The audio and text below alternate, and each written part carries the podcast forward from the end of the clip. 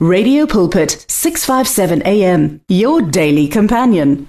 Hello, my name is Pastor Kenny Mukwena and it's time for you to experience the blessing. So we're going to start with the word of prayer. Father, thank you so much for my brother, my sister who's listening to this.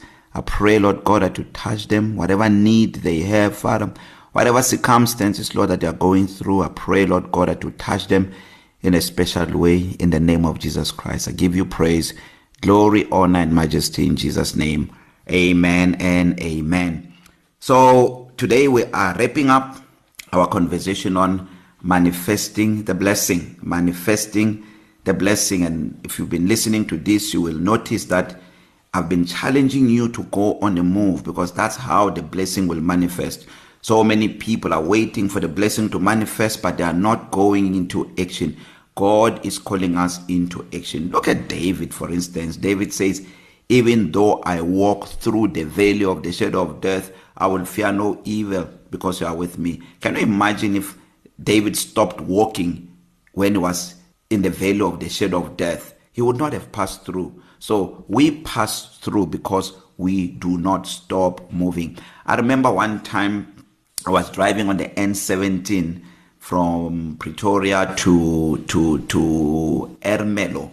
So as I'm driving, I'm with my wife. A storm arose. Like we just got into this place, and it was so stormy, like it raining so hard with with with you know little stones even falling.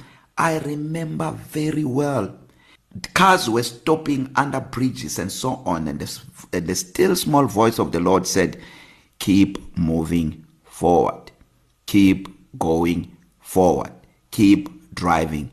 Literally, we drove not more than five minutes and there was no trace of a storm. Five minutes later of driving into that terrible storm, and there was not even a drop. It was dry, even with the sun. Literally, you know what I'm saying may may may may sound like a, a too much, but this is exactly, and it, it was not only that. One time I was driving with my wife again, and we're driving from Polokwane to, to, to Pretoria on the N1, and we encountered an exactly similar storm. As we we're driving, cars are parked under under under trees, bushy trees, under bridges, and the Lord reminded me to say, "You remember that storm in Emelo? This is the same. This is exactly the same one. Don't stop. Keep moving forward. Literally, five, ten minutes later, it was so clear, so clear. There was not even a trace. We could have been stuck in that storm. I don't know how long that storm was. I don't know how long it took, but we kept driving. And shortly after that, within a short space of time, we're on the other side. And I learned God said, This is how life works. And at the time, I did not understand what God was talking about. But as I experienced life in my journey with God, I've experienced so many, many, many kind of storms, which as I kept on moving, it was like those storms never existed. And I remember a scripture in the book of uh, um, uh, uh, Second Corinthians, I think it's chapter 14, if I'm not mistaken, where uh, the Bible talks about our light affliction. It says, our light affliction, which is but for a moment, is working for us a far more exceeding weight of glory, while we look not at the things that are seen, but at the things that are not seen, because the things that are seen are temporal, but the things that are not seen are eternal. So, this is my encouragement to you where you are right now to say, do not sit and wait for God to come and do something. David did not wait. He, did, he didn't say, even though I'm stuck in the valley of the shadow of death, I will fear no evil for you are with me. He said, even though I walk. Keep on walking. Keep on moving forward. Do not stop what God has called you to do because of circumstances. I mean, there are people who I, uh, I'm a lawyer by profession, so I know this very well. A lot of people quit when they go through circumstances. So many people have filed for bankruptcy because they were going through circumstances. So many people have sold their stuff for cheap because they were going through circumstances. So many people, you know, have divorced. Couples have divorced because they were going through a season when there was no money. And can you imagine you divorce that man because money is not there and you meet him 5 years later. 5 years later your situation is still the same but God has moved that man forward given him a wife that is 10 times better than you. You look at him and say it could have been me. Why was it not you? Why is it not you? Because you quit in the day of adversity. You know the book of proverbs 24:10 one of my favorite favorite scriptures in the bible. It says in the message translation proverbs 24:10 in the message translation it says if you fall to pieces in a crisis there wasn't much to you in the first place. If you fall to pieces in a crisis there wasn't much to you in the first place. It means you were pretending all along especially if you are a believer. Remember the bible says the path of the just is like the shining sun. It shines brighter unto a perfect day. How does it shine brighter? It's a path.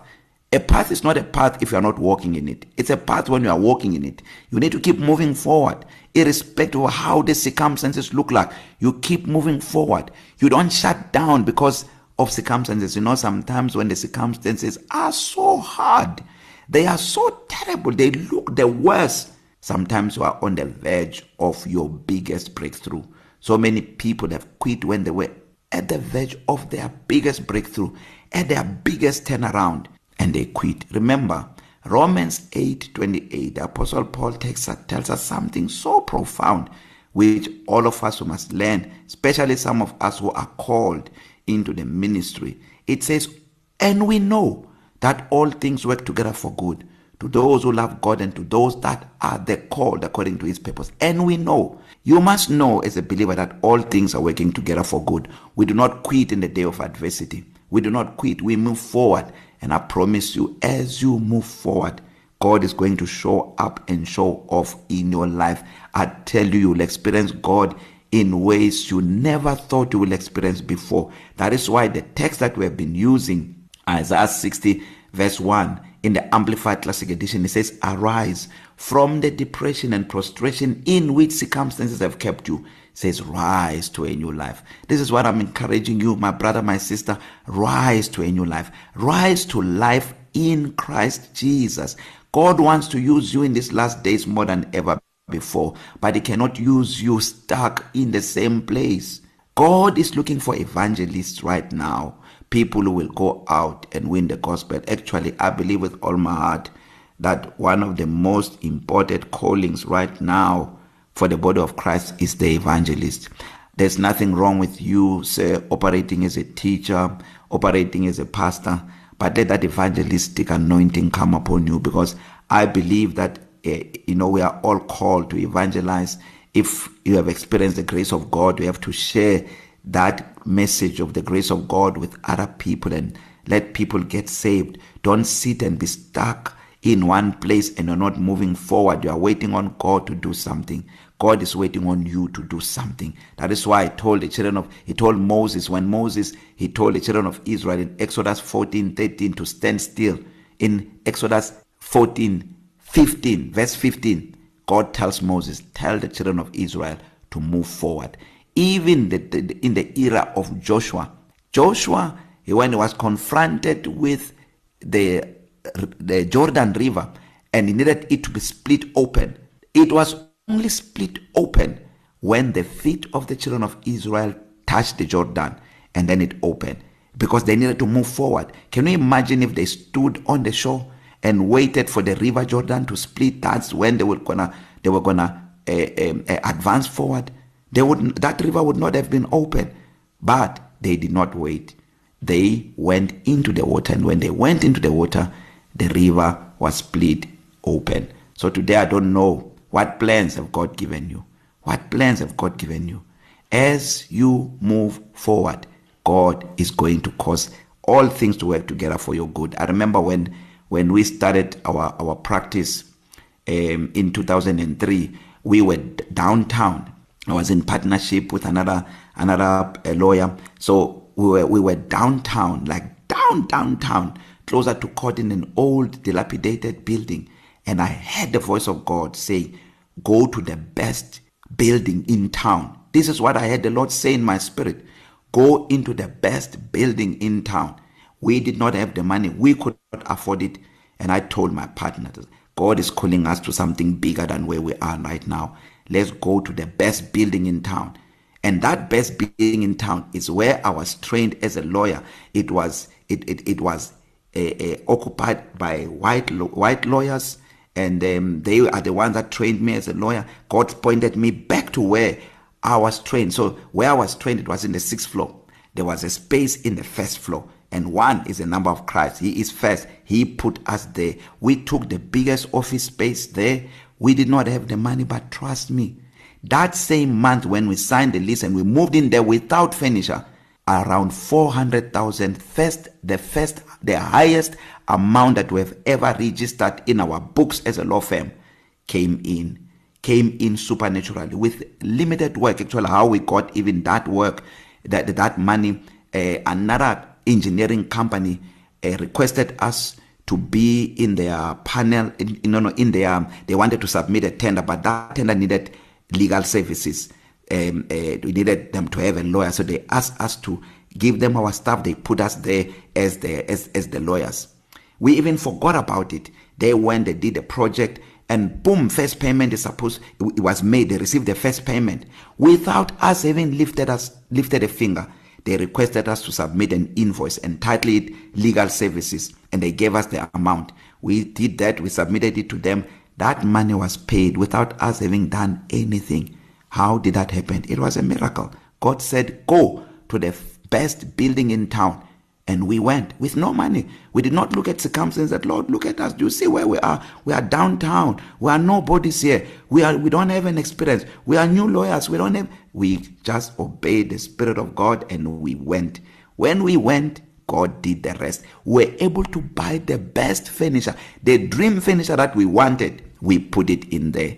And the rest as they say is history from that place we went to own our own building This is what God can do. When there was time now to own our own building, God said, move now into your own building. We began to look around, we found a building, we bought it and we moved into that building. This is what God does. You will never understand God. You will never understand the workings of God for as long as you are waiting for the conditions to become favorable. I mean, you could have said, Lord, give us the money first, at least to buy furniture, we'll go there. And the rent in that building was so expensive. And, and God did not say, take just a small office. No, He said, take the biggest office. And we went and we took, we hired the biggest office there. And trust me, we never even paid rent once late. God kept on meeting us every time. Why? Because He sent us there. When He spoke, we did not look at circumstances. When He said, arise from downtown, go to the best place, we arose. And when we did that, he pro he gave us the provision. So this is what i'm encouraging you today. God wants you to manifest the blessing. The blessing is manifested in obedience. If you are willing and you are obedient you shall eat the good of the land. Wow. I hope you have been encouraged by this message. This was our final episode on this conversation but you can also continue to uh, listen to to to these messages you know on on on our podcast uh, radio pulpit broadcast is there. Um listen to it. Be revived be refreshed and be encouraged. I love you so much. Thank you so much for listening. I want to pray for you if you're not born again if not made jesus the lord of your life. Just open your heart right now and receive jesus. Make this prayer with me. Say lord jesus i receive you now as my lord and my savior.